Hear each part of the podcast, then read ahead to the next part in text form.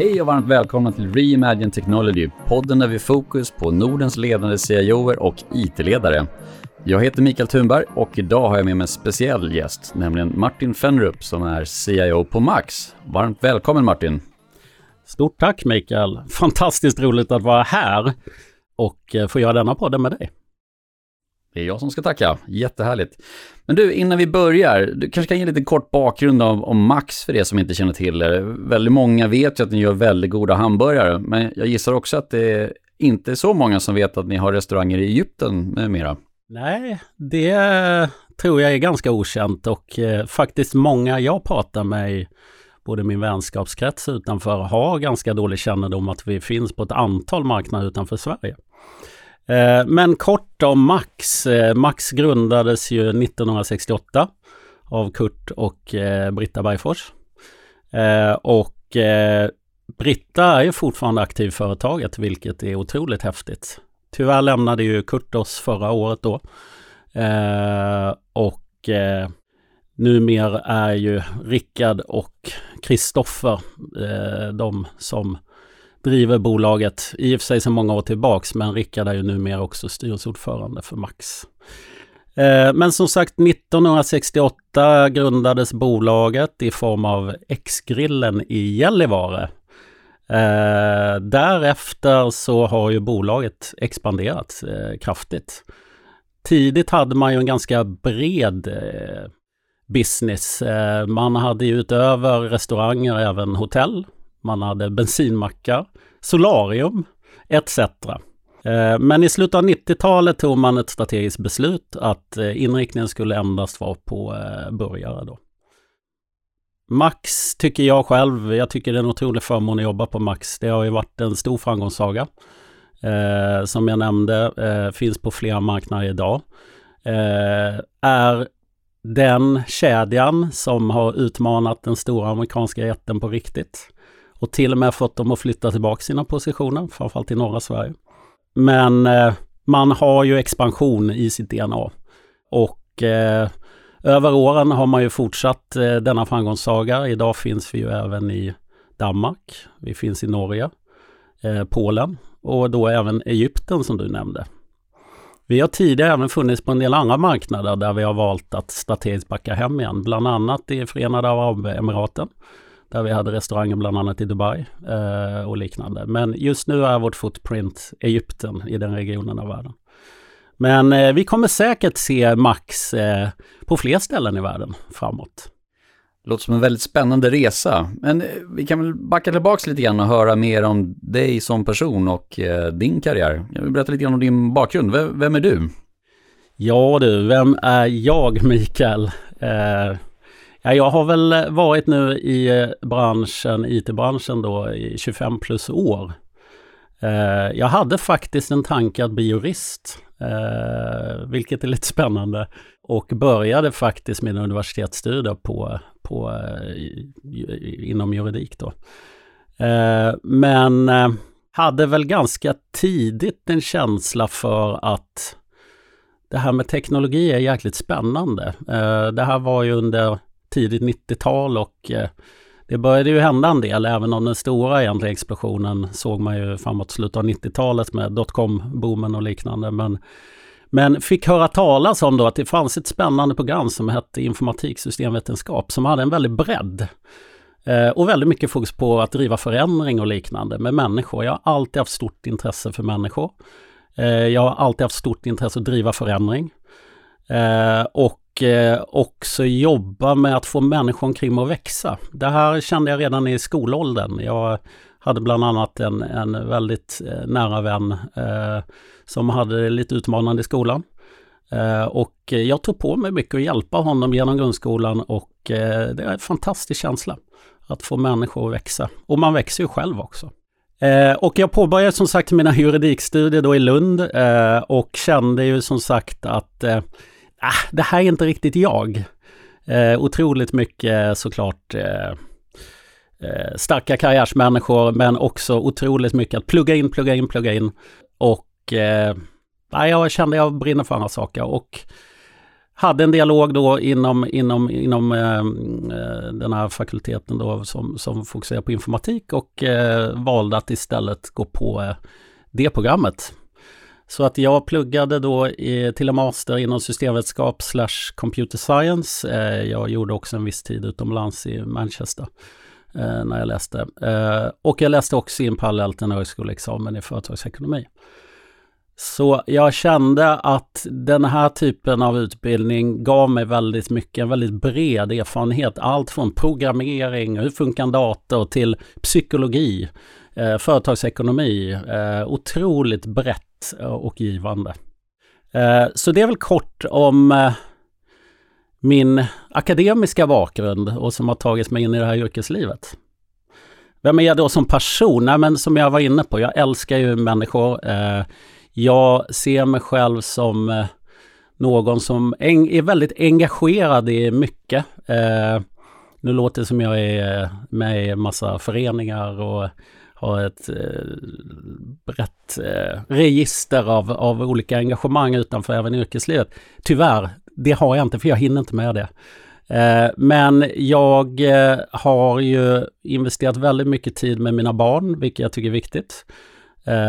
Och har ju också varit med på deras resa, framförallt mina grabbar nu som är hockeyspelare. Jag har en kille som är 13 och en som är 15 och ägnar alla dagar åt hockey. Eh, det är ju en fantastiskt häftig sport. Även väldigt hemsk sport i mångt och mycket. Eh, men utifrån det att bygga laganda, eh, vara team och se hur man kan nå framgång genom laget istället för jaget. Eh, det tycker jag är skithäftigt.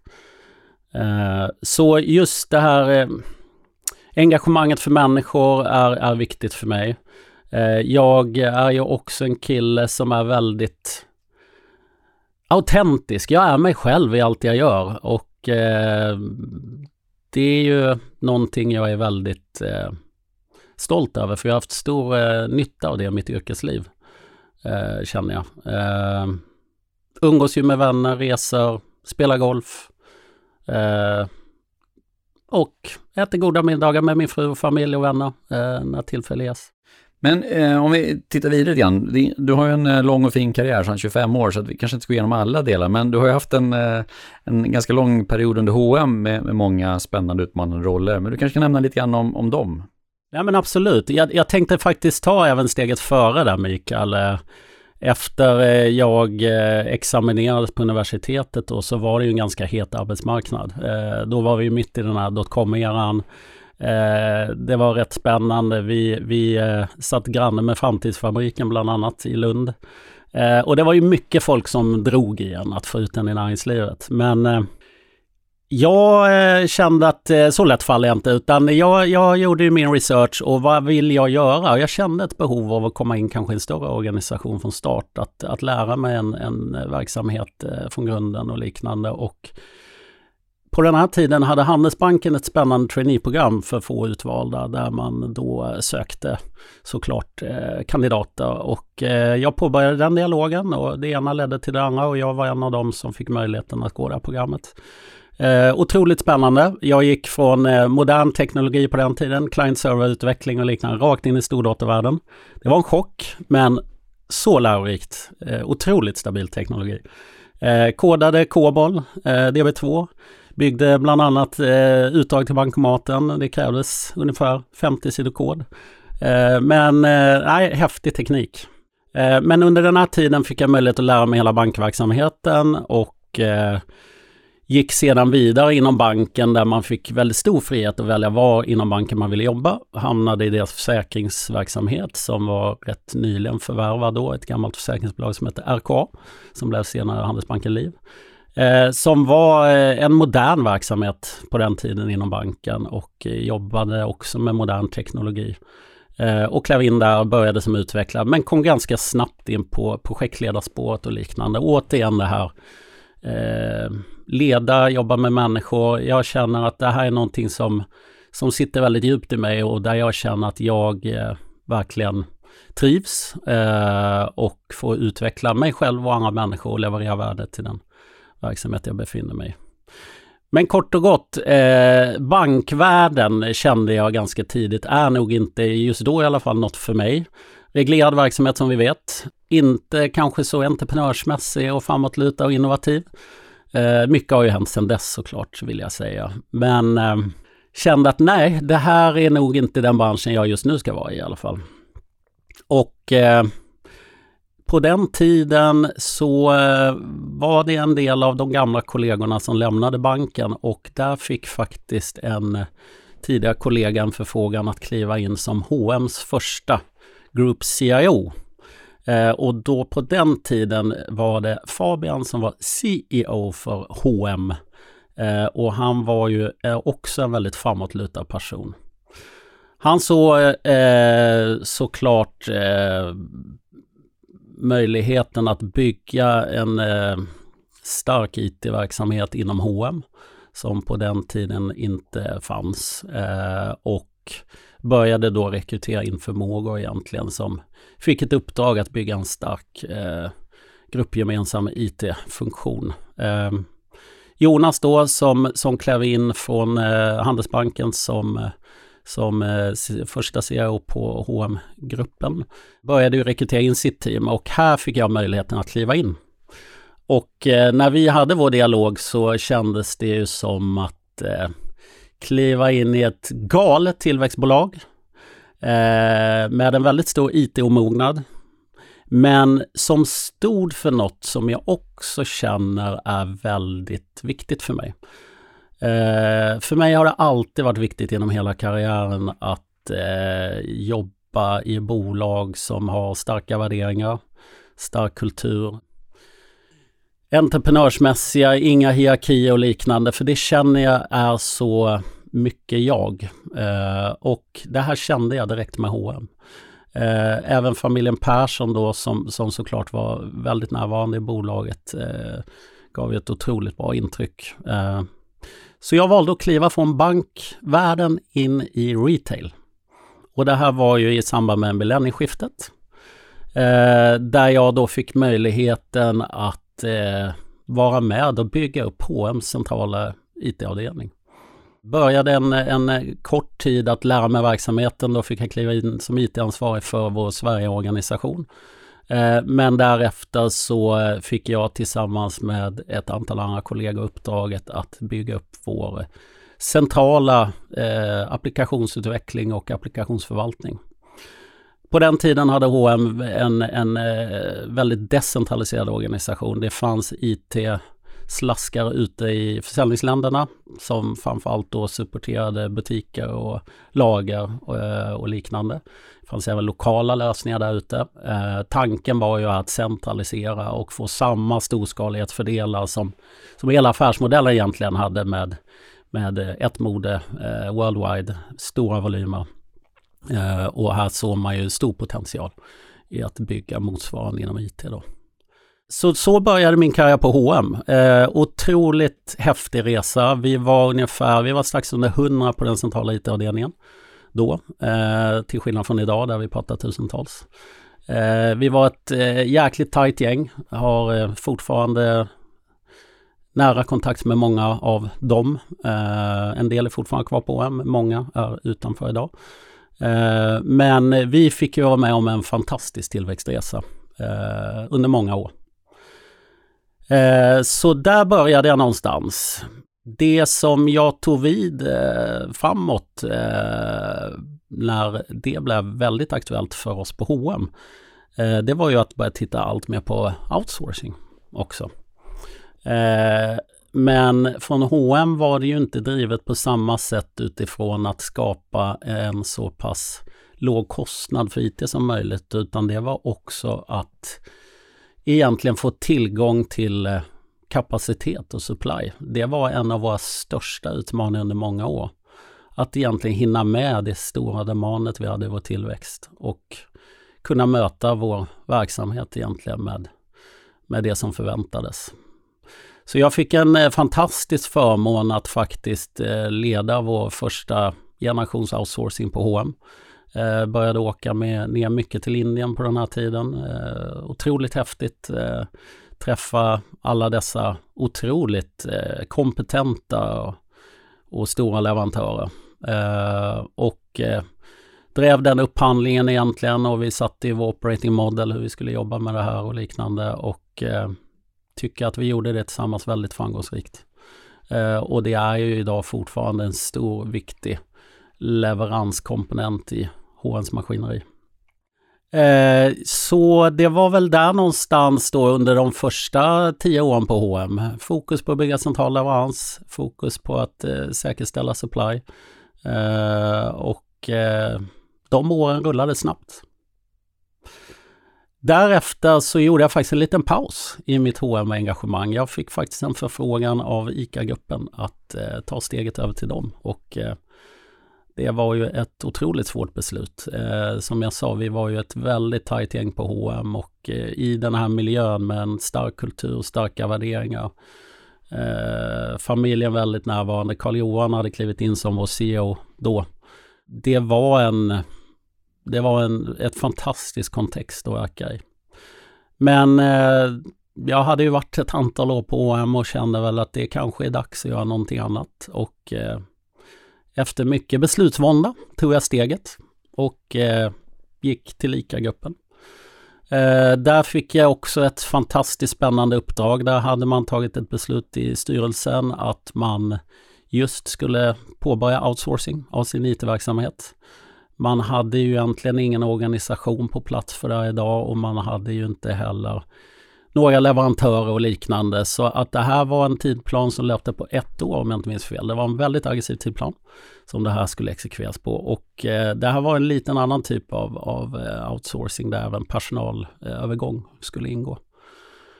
Så jag fick möjligheten egentligen att bygga den här typen av organisation inom ICA-gruppen. Eh, jag fick möjligheten att upphandla de leverantörer som man till stor del fortfarande jobbar med idag.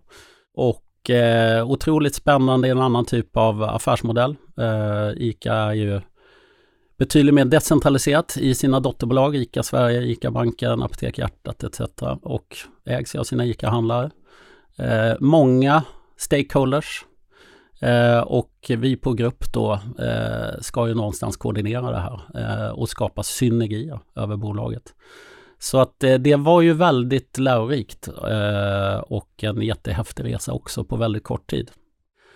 Tre år in på min ICA-karriär så eh, kom faktiskt H&M och knackade på dörren igen och ställde frågan om jag var intresserad att komma tillbaks. Och det ställde ju till lite kaos i huvudet för att jag hade tagit ett otroligt svårt beslut att lämna bolaget.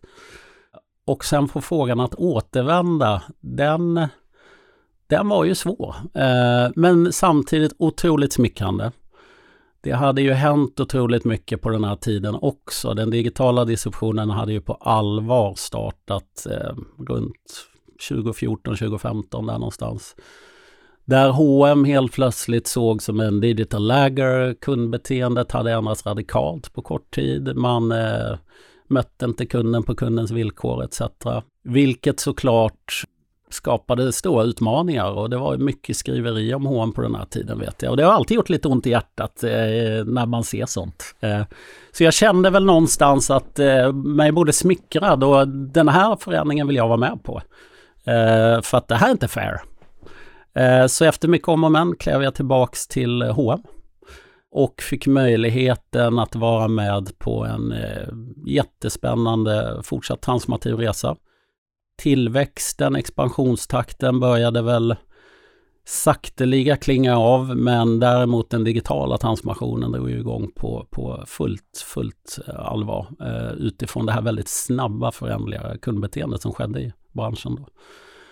Eh, så att jag fick förmånen att kliva tillbaka. Jag fick ansvar för, för, för våra funktioner främst, jobba med Enterprise-arkitektur, säkerhet, sourcing, governance etc. Och Eh, vi klev ju då också in i en transformativ resa där vi började se över hur ska vi möta våra kunder på bästa sätt framåt och vad är det egentligen som vi behöver adressera för att någonstans transformera vår affärsmodell som blev allt mer digital. Så det här var ju under ledning av vår dåvarande CEO Mårten, eh, fantastisk kille, eh, har väldigt bra relation eh, idag fortsatt. Eh, och jag tycker vi på ett väldigt framgångsrikt sätt ställde om våra förmågor och Eh, våra arbetssätt och eh, började adressera på allvar. Eh, vi hade en otroligt aggressiv expansion i vår framförallt online-kanal under den här tiden.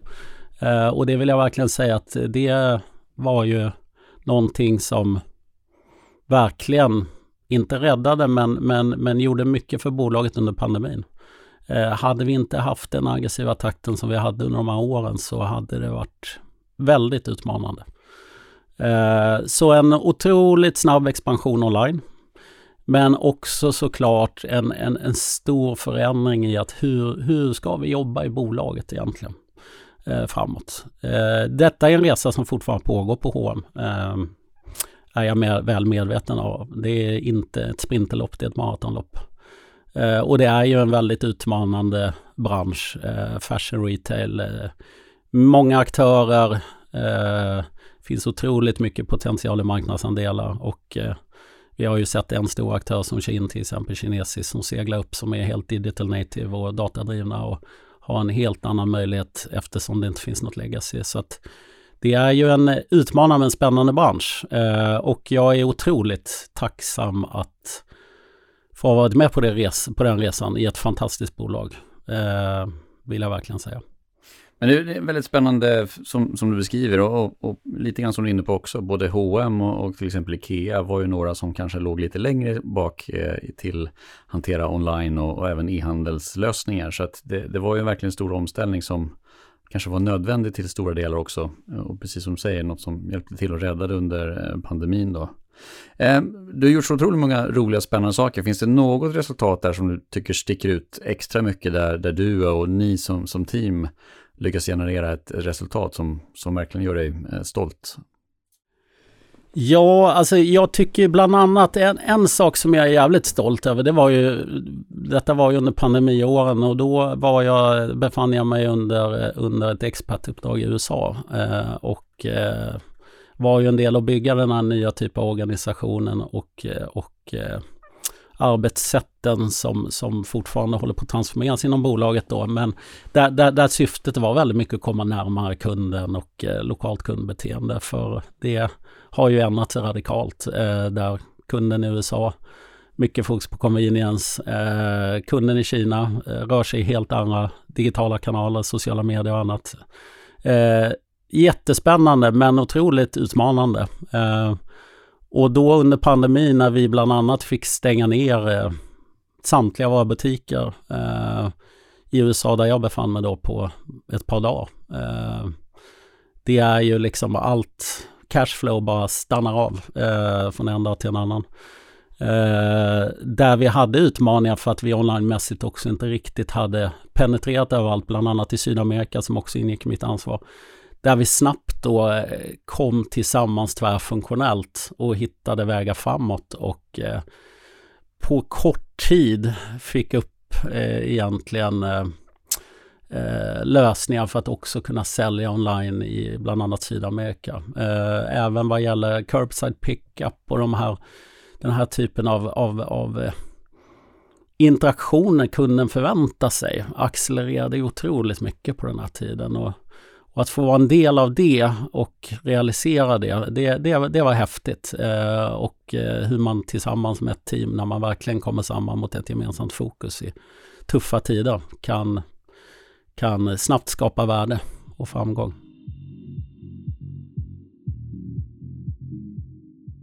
Nu eh, sen ett år tillbaka ungefär så i din nya roll och därför vi är här eh, idag då så är det ju då CIO på, på Max. Eh, och ehm, för mig då som, som lekman just eh, inom restaurangbranschen men även då food and beverage som, som kanske också är, väldigt vanligt att prata om. Och det har ju varit också ganska omtonade år under ehm, pandemin såklart. Men nu när du har varit där ett år, hur, eh, hur känner du nu? Du har ju alltid haft en lite mer framåtlutad inställning kring affärs och verksamhetsutveckling kopplat till IT och där är ju CEO-rollen verkligen en väldigt tung spelare. Hur, hur var din reflektion nu? Ja, jag kanske först ska då eh, berätta lite om steget jag tog till Max. Eh, jag som sagt eh, var ju 12 år på H&M och jag spelade på ICA och sen var det tillbaks på H&M 6 år. Men Jag hade väl en känsla någonstans efter ytterligare ett par år på H&M att nej men det är nog dags. Eh, återigen, fantastiskt bolag. Eh, kommer alltid ha en stor plats i mitt hjärta. Men, eh, men eh, jag kände nog att det är dags för mig att gå vidare och, och det jag möjligen saknade var att eh, H&M är ju ett väldigt stort bolag idag. Eh, varit väldigt framgångsrika. Eh, jag saknade väl lite där när jag klev in där första gången en gång, det här lite mer kulturen, värderingarna, eh, familjen eh, som såklart blir utmanande att upprätthålla ju större man blir. Eh, så att jag hade väl eh, en eh, tanke att, att fundera på vad jag ville göra och det var nog en process som tog något år eller liknande och jag hade ju dialog med flera olika intressanta möjligheter. Men när Max kom upp på bordet och framförallt när jag fick träffa då Rickard, vår ägare och vd och styrelseordförande som, som också är familjen och den känslan eh, jag fick där, där, där Rickard var ju väldigt tydlig där liksom vårt huvudfokus det är, det är tre saker. Det är expansion, det är digitalisering och det är hållbarhet. Det ihop med de otroligt starka värderingar som finns i bolaget, den kulturen som finns där och familjenärvaron eh, gjorde ju mig rätt starstruck rätt fort. Att här känner jag igen mig. Det är lite som att komma hem igen. Eh, så det var väl det någonstans som ledde mig till att ta beslutet att lämna H&M och eh, börja på Max. Då. Men efter ett år nu som CIO, eh, jag klev ju in i den här rollen då under eh, förra året och tog över efter Max tidigare CEO som gjort en fantastisk resa på Max och gjort otroligt bra saker. Nu var man i en ny fas helt enkelt. Det här är ju en bransch som ligger efter retail, fashion retail framförallt. allt. men pandemin var väl lite någonstans explosionen och idag sker ju den digitala transformationen i vår bransch också eh, otroligt snabbt. Där vill jag verkligen säga att Max har ju varit i framkant, framför allt i gästinteraktionen. Eh, Max var först i världen med våra eh, självbetjäningskiosker, eh, våra Expresser då. Eh, vilket i sig är riktigt häftigt. Eh, under pandemin eh, var ju Max också föregångare i att möta gästen på gästen-villkor i de kanalerna som krävdes. Allt från curbside, drive-through, eh, delivery etc. Och kunde snabbt ställa om. Eh, så Max är ett bolag som på så sätt också för mig är häftigt därför de är i den digitala framkanten i vår bransch. Eh, och att få ta det här vidare är ju en förmån, tycker jag. Eh, och att också då verka i, en, i, en, eh, i ett bolag med starkt entreprenörskap och väldigt mycket fokus på expansion är ju jättehäftigt. Eh, men det är klart, efter ett år reflektioner, det var väl en chock till en början på ett sätt. Eh, det är ju återigen ett entreprenörsbolag, känner igen mycket från tidiga dagarna i H&M såklart. Men eh, mycket legacy, byggt upp under många år under en väldigt snabb tillväxt. Eh, och eh, har ju någonstans kanske skapat vissa då risker eh, som behöver tas om hand. Hur säkerställer vi också eh, kompetens framåt för den här resan? Eh, rekrytering har legat mycket på mitt bord såklart, att snabbt få in människor som kan komma in och bli en bra mix med de vi redan hade. Eh, för vi är ett fantastiskt team, det vill jag verkligen säga. Och eh, sen har ju vi haft mycket fokus egentligen på att eh, på hela bolagsnivån inom koncernledningen och även tillsammans med styrelsen eh, någonstans eh, förankra och diskutera och besluta kring vår transformationsplan framåt. Och, och, och, där har vi haft mycket fokus och det är den vi nu har börjat realisera på. Så efter ett år tycker jag att vi har rört oss otroligt, otroligt eh, långt på en snabb tid. Och då vill jag verkligen säga att vi, det är också en erfarenhet jag har från alla mina tidigare positioner i mitt arbetsliv, vi har ju ägt vår transformation själva. Vi har använt oss ytterst sparsamt av externa aktörer som har hjälpt oss i den här resan. Eh, och att få till det ägandeskapet tror jag är en eh, framgång. Och det börjar hos koncernledningen. Och det är ju någonting som vi också försöker få alla våra kunder att driva väldigt mycket, den här organiska transformationen. Förändringarna kommer komma snabbare och snabbare. Så att för bolag att kunna lyckas så måste man kunna äga det eh, själv och inte vara helt beroende av konsulter. Eh, trots att vi själva då är konsulter, men, men vi vill ju att eh, de bolag som vi hjälper att faktiskt kan skapa den här transformationen. Det är en av framgångsfaktorerna. Och precis som den andra som du är inne på också, att CIO sitter som en del i koncernledningen och att man ser som teknik som en verkligen en framgångsfaktor för hela utvecklingen av bolaget. De två faktorerna är oerhört avgörande som, som vi ser i alla fall. Ja, jag håller helt med dig Mikael och eh, det var väl också en av mina främsta uppgifter när jag började på Max. Då var inte CIO representerad i koncernledningen. Eh, och det är en dialog jag har drivit eh, med både koncernledning och andra stakeholders och eh, sen i våras så, så är jag också representerad och det gör ju skillnad. Men det är också det jag älskar med Max. Det är ett otroligt härligt gäng att jobba med som har innovation och ja, men entreprenörskap i fingerspetsarna. Uh, och man är villig att skruva och förändra hela tiden för att vara relevant även om 5, 10, 20 år. Uh, jag glömde nämna det, det är en annan, annan aspekt på det som också är viktigt för mig. Jag vill ju verka i en kontext där det finns långsiktighet. Max är ju inte ett börsnoterat bolag. Det finns otroliga fördelar med det. Uh, långsiktighet är en av de mest centrala. Där vi kan faktiskt göra saker utan att behöva känna oss oroliga för ett kvartalsresultat på samma sätt som, som vi ser kanske hos börsnoterade bolag. Det, det är helt klart något som är en viktig komponent tror jag i vår framgång. Tittar man på din digitala transformationsplan som du nämnde lite grann där, kan du nämna något eller några av de fokusområden som du tycker är extra prioriterade, även om det finns mycket såklart? Ja men absolut. Jag tror när vi pratar, det här är ju ett begrepp och ibland, jag tycker det är så svårt att få armarna kring det och det finns tusen olika definitioner av det. Eh, för mig i alla fall, när jag pratar digital transformation, teknologi är ju bara en komponent i det här. Det handlar ju egentligen om människorna, kulturen vi har, processerna, arbetssätten eh, och teknologin.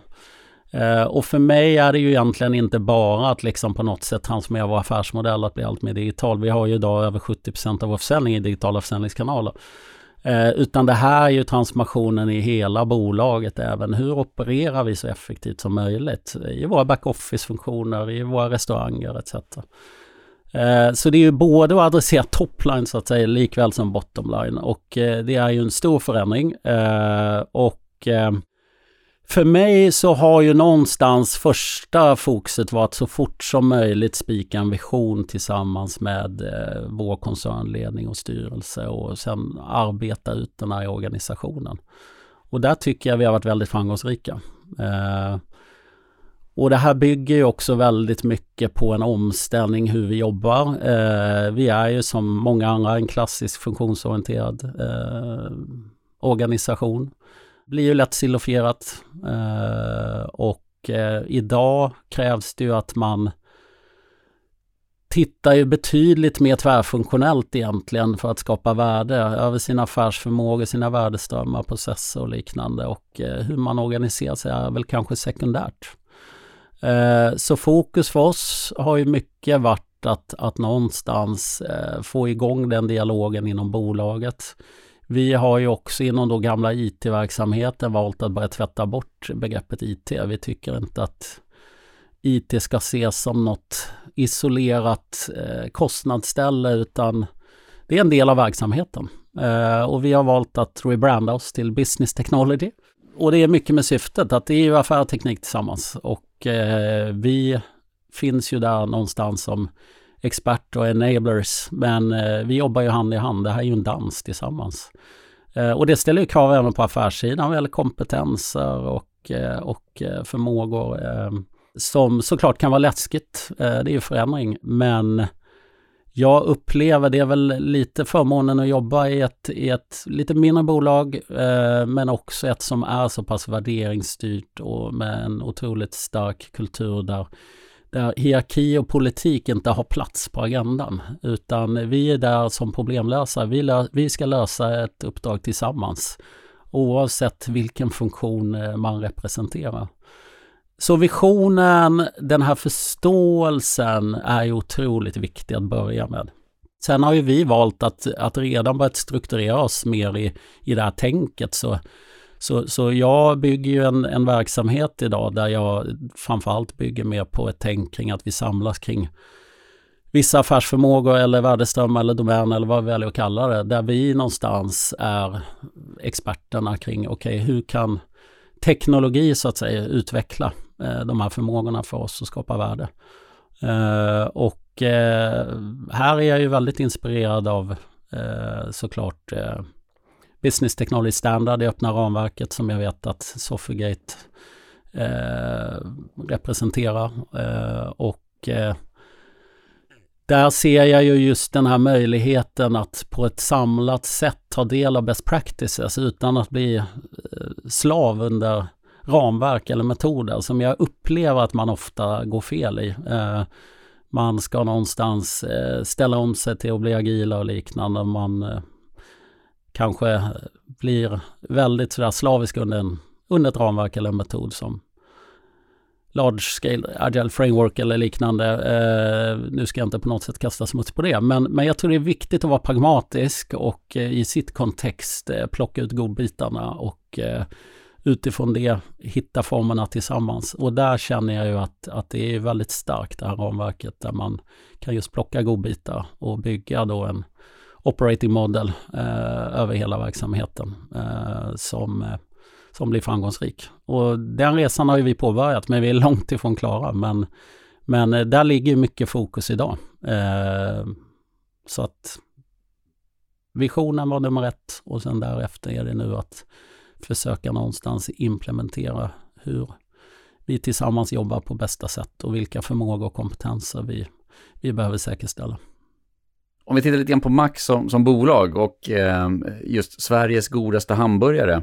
Du har ju nämnt en del av de här sakerna om vad som gör Max som en, en bra arbetsgivare med, med då starka värderingar, förändringsbenägenhet och inte så stora hierarkier och så vidare. Finns det några andra saker du skulle lägga till där just för att se var, varför, eh, var, varför ska man som utomstående eh, vilja jobba med, med dig, eh, men även då med, med Max? Ja men precis. Först ska jag väl säga att vår vision eh, för gruppen är ju att vara eh, världens bästa börjarkedja. Eh, det är ju vår, vår vision. Sen har vi ju då enligt svenska folket Sveriges godaste hamburgare också enligt ett antal undersökningar som har skett år efter år. Där har vi utmanats av en del konkurrenter men eh, svenska folket säger sitt eh, och det är vi väldigt stolta för. För smak och kvalitet är i vårt DNA och otroligt viktigt för oss. Kort på din fråga Mikael, jag tror att eh, för att sätta liksom det jämförs när jag började med H&M i, på H&M i millennieskiftet så, så vet jag att många av mina vänner sa att ja, varför börjar du på H&M liksom? Där finns väl ingen IT och eh, det är väl inte modernt och så. Och då kom man från bankvärlden som, som kanske var betydligt mer teknologitunga. Jag har lite samma känsla med Max. Eh, vi är ett jättestarkt varumärke. Vi har väldigt lätt att attrahera eh, folk inom marknad, försäljning etc. Eh, tech, IT, är ju inte kanske någonting man tänker på. Men eh, vi är ju extremt teknologitunga i våra eh, cirka 200 restauranger på våra marknader. Eh, vi jobbar ju med väldigt modern teknologi. Eh, vi är ju väldigt mycket i framkant, vill jag verkligen påstå. Och vi har ju otroligt spännande projekt i pipeline eh, som vi driver. Så vill man jobba med modern teknologi eh, i en eh, bransch eh, med fokus på att bli världens bästa börjarkedja så är Max absolut ett bolag att vara på utifrån det perspektivet. I övrigt som jag sa vill jag verkligen trycka på det här att eh, vill man vara i ett eh, entreprenörsbolag där eh, förändringar vardag, eh, där vi jobbar som ett team eh, med i stort sett ingen politik eller prestige eller liknande. Där värderingar och vår kultur genomsyrar allt det vi gör. Eh, med en otroligt stark och kompetent ägarfamilj ja då är det ju Max ett fantastiskt ställe att vara på. Alla som lyssnar, titta extra noga. Det kommer vara ett antal rekryteringar under nästa år. Spännande. Men nu om vi kommer tillbaka till eh, er internationella och globala ambitioner såklart med restauranger i, i Norden, Polen och, och som, vi, som vi nämnde tidigare med Egypten. Eh, den här eh, expansionen och även speciellt då inom, eller till nya länder och även nya kulturer brukar kunna föra med sig lite olika typer av utmaningar och, och ibland till och med emellanåt hinder. Eh, kan du dela med dig några av de sakerna som ni har stött på under den här expansionen och vad, vad, har, vad har ni dragit för lärdomar av det? Ja, det där är en jättebra fråga Mikael och det här är något jag älskar. Därför gillar jag ju också att jobba i en internationell kontext. Som jag sa tidigare i min personliga introduktion så jag älskar att engagera med människor och eh, det här med olika kulturer och bakgrunder det är så häftigt. Och, och få det att funka ihop är Nej, det är häftigt. Eh, men kort, eh, man kan väl säga att den branschen vi verkar i, om vi tittar på kanske vår främsta konkurrent och den stora amerikanska jätten, så eh, är ju såklart franchise en affärsmodell som är viktig för expansion. Utmaningsmässigt så tror jag att det är där främst Max har haft sina största utmaningar. Vår organiska tillväxt eh, är ju framgångsrik men eh, där vi då egentligen har försökt växa via franchise partners. Eh, bland annat Norge och Danmark startade faktiskt via franchise partners. Eh, men där vi till sist fick ta över verksamheten själva. Eh, det har nog att göra också med att vi är ju ett familjebolag med otroligt stark kulturvärderingar och liknande och för oss är det ju viktigt att en partner vi jobbar med representerar det här eh, för vårt varumärke och gästerna de interagerar med. Och eh, där har det ju funnits utmaningar såklart eh, och vi har inte riktigt lyckats få det att flyga än men eh, någon dag eh, hoppas vi på det. Dock vill jag ju säga att Egypten är ju via franchise eh, Eh, och där har vi ett välfungerande samarbete. Vi har ju också en del som sticker ut. Eh, jag tycker det är väl värt att nämna Liseberg där vi idag har tre restauranger via Liseberg eh, som franchisepartner för oss. Men där kommer vi verkligen samman i våra värderingar och vad vi står för. Hållbarhet är väldigt centralt i, i den samverkan bland annat. Så franchise är väl en eh, affärsmodell där vi har haft utmaningar eh, och eh, haft därav större fokus på organisk tillväxt. Men eh, organisk tillväxt är ju mer utmanande. Det kräver ju mycket kapital. Eh, vi finansierar ju all vår verksamhet själva. Vi har ju inga riskkapitalister och liknande utan det är ju självfinansierad verksamhet. Så att, så att för vår fortsatta globala tillväxt så, så kommer vi fortsätta utvärdera den komponenten i vår verktygslåda såklart. Sen är det klart, vi ser ju också att, eh, men det här tycker jag är så spännande, att eh, gästbeteendet ser ju lite olika ut på våra olika marknader. Eh, så är det ju och vår gäst i, i Polen är väl kanske mer benägen att handla via delivery än vad gästen i Sverige är. Hur möter vi gästen på ett bättre sätt då i Polen i den kanalen versus i Sverige där det kanske inte är lika stor andel av vår försäljning etc. Så att det här, vad är det så att säga som ska vara globalt versus lokalt? Det är den ständiga frågan och eh, där måste ju vi säkerställa att vi möter med teknik också på ett sätt som, som ger gästen den bästa upplevelsen. Lite intressant att säga det just det här med, med kultur. Det är oerhört eh, avgörande i, i, många typer av bolag och det är ju någonting som är väldigt svårt. Det är inte bara att skriva samman en lista över värderingar och hur man lever efter det, utan det, det gäller verkligen att kunna få en kultur som just sitter i, sitter i väggarna som man brukar säga, men hur får man det att hända på, på riktigt? Och det kan ju många gånger vara sådana saker som kan vara helt avgörande. Eh, men det är väldigt svårt att, hur skapar man den här kulturen eller hur sprider man den här kulturen på ett sätt eller annat? Och den där frågan tycker jag är så svår Mikael. Jag vet under alla mina år på HN där vi också diskuterade det här mycket och många utomstående sa ju ofta det här liksom, ja, du jobbar på H&M det är väl som en sekt va liksom. Och eh, det här hur beskriver man kulturen, hur beskriver man värderingar, det är så svårt för det sitter så i väggarna. Dels tror jag det handlar om att man rekryterar in rätt människor. Eh, jag tror det är viktigt att kunna identifiera sig med de värderingar man står för och liknande och känna att ja, men det här är jag. Eh, då tenderar det att funka väldigt, väldigt väl. Och man ser ofta att de som inte passar in lämnar ofta ganska snabbt. Eh, sen är det klart, jag menar, det börjar ju med oss i koncernledningen såklart att vara de där fyrarna där ute och eh, leva som man lär helt enkelt. Och eh, där vill jag verkligen ge en stor eloge till, till återigen till vår VD Rickard som jag tycker är en otroligt pragmatisk jordnära person. Eh, som lever våra värderingar och representerar vår kultur på ett otroligt starkt sätt. Jag eh, tycker som sagt att det är svårt utöver det att liksom på något sätt ja men på något sätt säga exakt vad ska du göra för att någonstans verkligen driva det. För det, det sitter så i väggarna och det är så mycket kopplat också till vilka personligheter som du faktiskt jobbar med.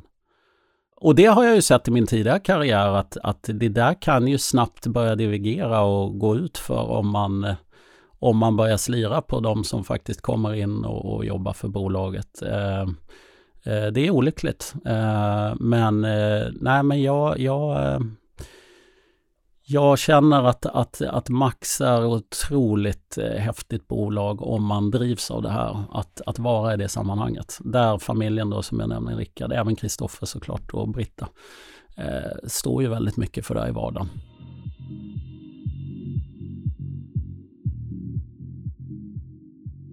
Och, och går vi tillbaka till ett av de här eh, tre områden som du pratade om tidigare, som också är väldigt viktigt för er, just eh, hållbarhet som, som sådant. Och, eh, det är ju många som också har märkt att eh, Max har ju också flera olika alternativ till enbart eh, rött kött. Och det här är ju en väldigt viktig faktor för, för er, hur ni vill framåt. Har du lust att prata lite grann mer om hur ni ser på hållbarheten och, och hur ni vill leda inom det området?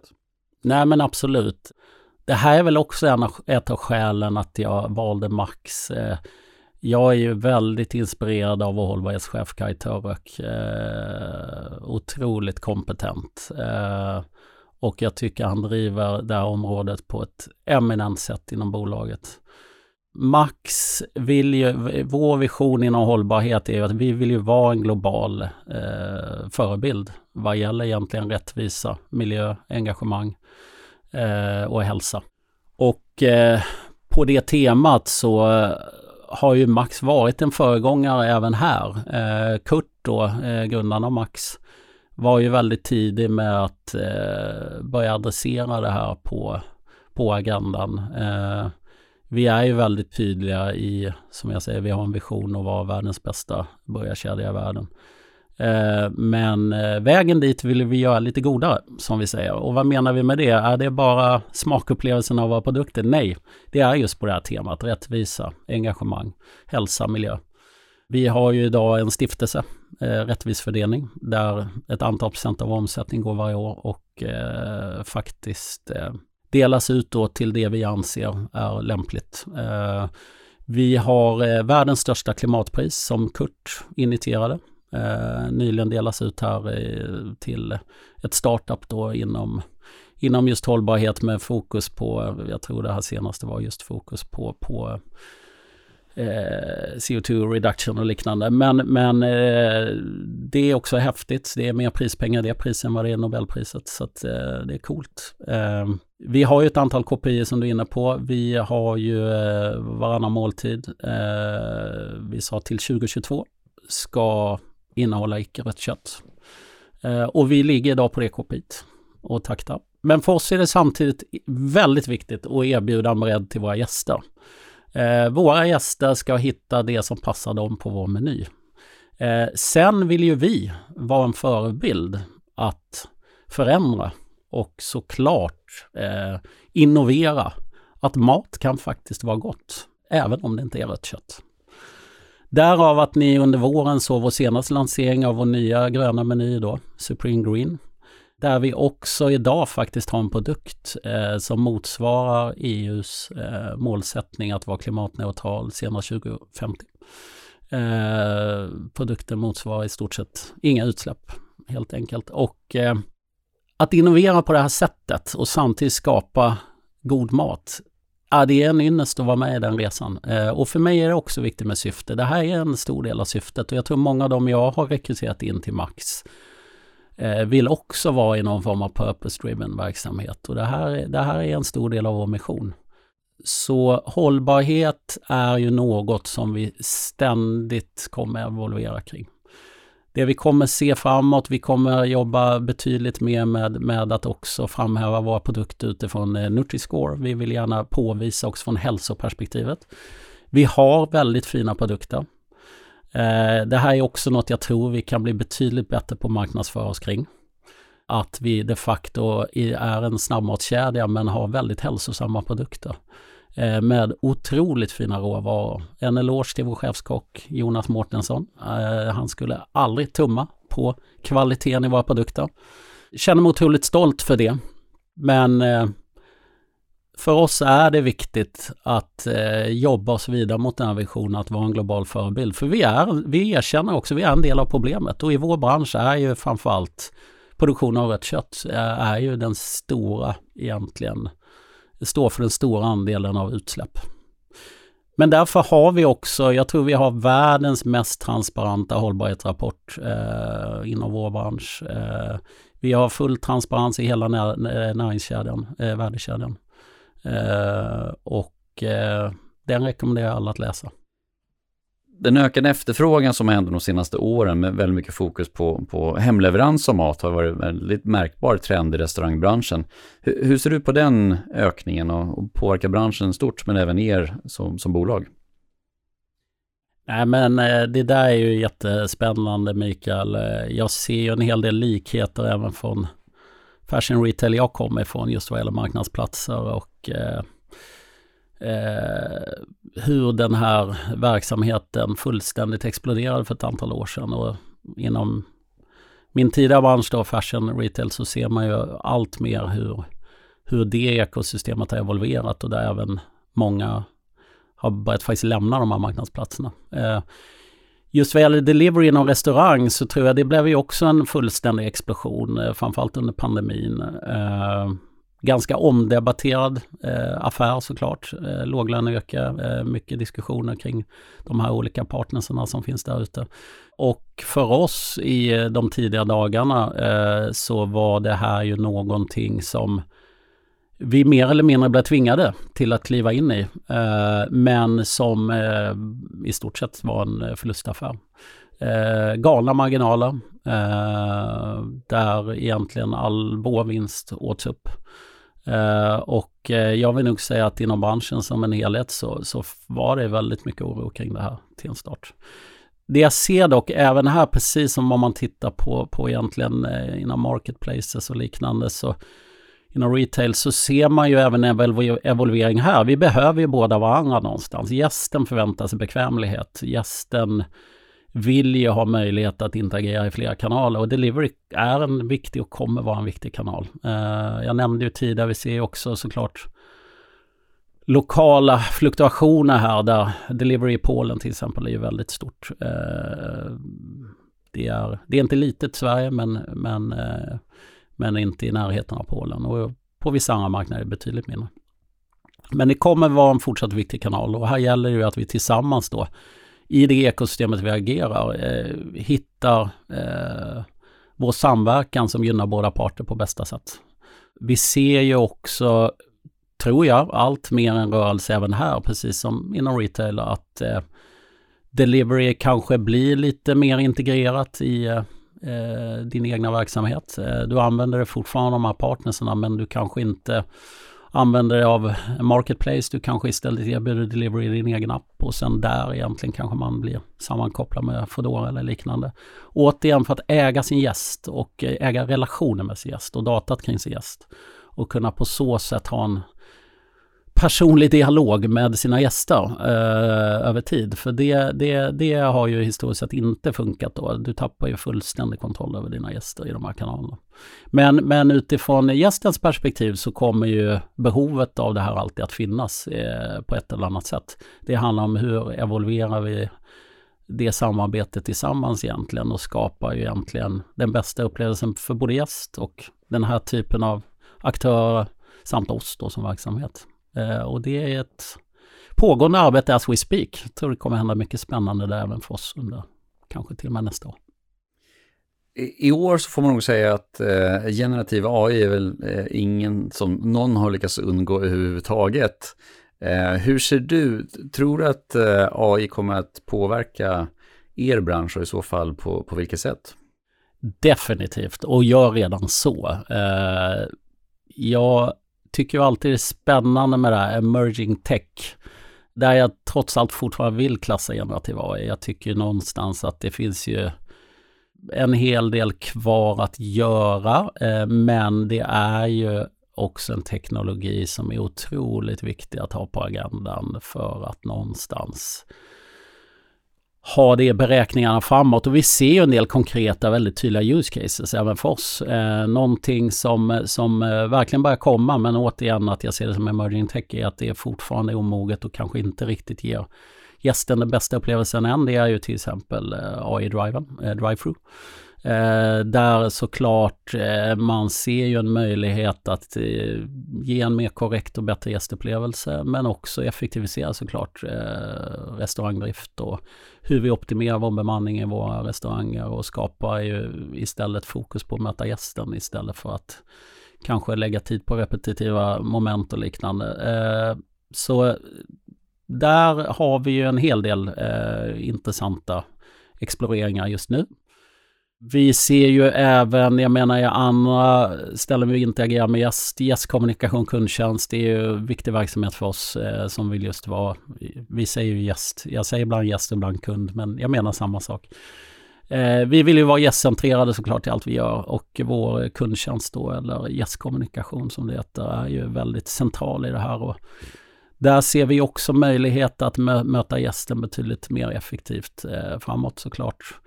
Men utöver gästinteraktionen så, så ser vi ju jättemöjligheter också i att effektivisera vår verksamhet eh, i vår daily operations. Eh, vi har faktiskt eh, just nu en väldigt plain vanilla ChatGPT ute som, som eh, AI-assistent i, i, vår, eh, i våra affärsfunktioner för lite trial and error. Vi eh, tittar ju mycket på egentligen hur vi integrerar det här i våra flöden och system framåt eh, för att på så sätt vara eh, något som skapar effektivitet och värde för både gäst och, och, och anställd. Något konkret vi tittar på i det vi kallar för Employee Experience är ju också nu när eh, Copilot släpps från Microsoft. Microsoft är en av våra strategiska partners. Tittar vi mycket på möjligheten att, att eh, integrera det framåt i vår verksamhet också. Så att generativ AI, emerging tech fortfarande enligt mig eh, börjar finnas en hel del användningsområden och eh, vi kommer absolut vara med där och eh, vår bransch kommer vara med eh, i denna resa. En väldigt spännande framtid ur många perspektiv. Eh, lite mer avslutningsvis då, eh, Martin. Du har ju haft eh, väldigt många år i ledande positioner. Eh, vad hittar du inspiration till ditt eh, ledarskap? Ja du Mikael, det har väl varit lite blandat över åren och sen har man ju blivit äldre och klokare. Nej men eh, någon som jag faktiskt har blivit väldigt inspirerad av det är Satya Nadella på eh, Microsoft, eh, Microsoft CEO. Jag tycker det, när han klev in 2014 och påbörjade egentligen den transformativa resan för Microsoft eh, och hur han har ställt om det bolaget, det tycker jag är riktigt häftigt. Eh, och han står ju mycket för det ledarskapet som jag själv brinner för. Eh, som handlar mycket om eh, det lärande, lärandet hos det är ett ständigt lärande. Eh, empatiskt ledarskap eh, som jag tycker är alldeles för sparsmakat idag. någonstans är ju de människor du arbetar med, det är din viktigaste tillgång. Jag tycker det är sorgligt att se att fler inte inser det. Och där tycker jag just att Satya och hur han har drivit den här förändringen med sitt ledarskap, det, det, det har jag inspirerats av, helt klart. Annars så idag så är det väl mycket, man försöker ju hänga med och fånga upp bloggar och, och, artiklar och annat. Så att jag inspireras i det dagliga nyhetsflödet av både den ena och den tredje tycker jag. Och även av såklart kollegor och andra. Eh, jag inspireras mycket av Rickard, vår VD.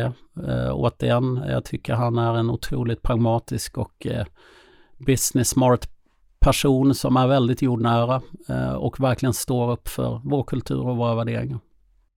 Har du nämnt väldigt mycket av de här sakerna sedan tidigare kanske, men har du några böcker eller ramverk eller filosofier som du också eh, tycker är intressant? Nej, där, där är jag ju dålig. Alltså det här med att läsa böcker har jag blivit dålig på. Ett tag var det mycket man skulle läsa allt om leadership agility och annat. Eh, men jag, som jag nämnde tidigare, jag, jag, jag tycker ju att eh, återigen, eh, Business Technology Framework är något jag uppmuntrar alla att ta del av. Det här är ju ändå open source och det är ju en otrolig inspirationskälla då det är en återspegling av alla best practices där ute. Eh, där tror jag det finns mycket att eh, få inspiration från, även hos andra. Har du några tips och idéer som du gärna skulle vilja dela med dig av till andra CEO eller IT-ledare? Någonting som du själv kanske tänkte, det där önskar jag att jag hade kanske känt till tidigare. Och just att dela med sig av erfarenheter till, till andra så man slipper lära allting själv. Ja du, nej men det har varit sig själv, det är väl något som kommer med åldern också tror jag. jag. Jag nämnde ju det tidigt att jag är ju autentisk och jag står väldigt mycket för ett autentiskt ledarskap, upplever jag själv. Eh, jag vill ju gärna ha det så omkring mig också att eh, du ska ju så långt som möjligt kunna vara dig själv. Eh, tycker jag är viktigt för att jag tycker det spårar när man ska behöva liksom eh, anpassa sig efter den personen som står mitt emot. Eh, om alla är sig själv och man har byggt en psykologisk trygghet så eh, händer det fantastiska saker. Och återigen, dina medarbetare är din viktigaste tillgång. Glöm aldrig det. Och många är ganska bra på att se de murar som man bygger upp också. Så jag, jag, tror att det ligger väldigt mycket i det, vara som den person som man är. Stort tack Martin för att du kom hit idag och delade med dig av dina erfarenheter och eh, kloka insikter. Stort tack Mikael, det här var eh, väldigt givande och roligt att sitta här och prata med dig. Ni har lyssnat på Reimagine Technology, en podcast producerad av Sofigate. Vi återkommer med ett nytt avsnitt inom kort.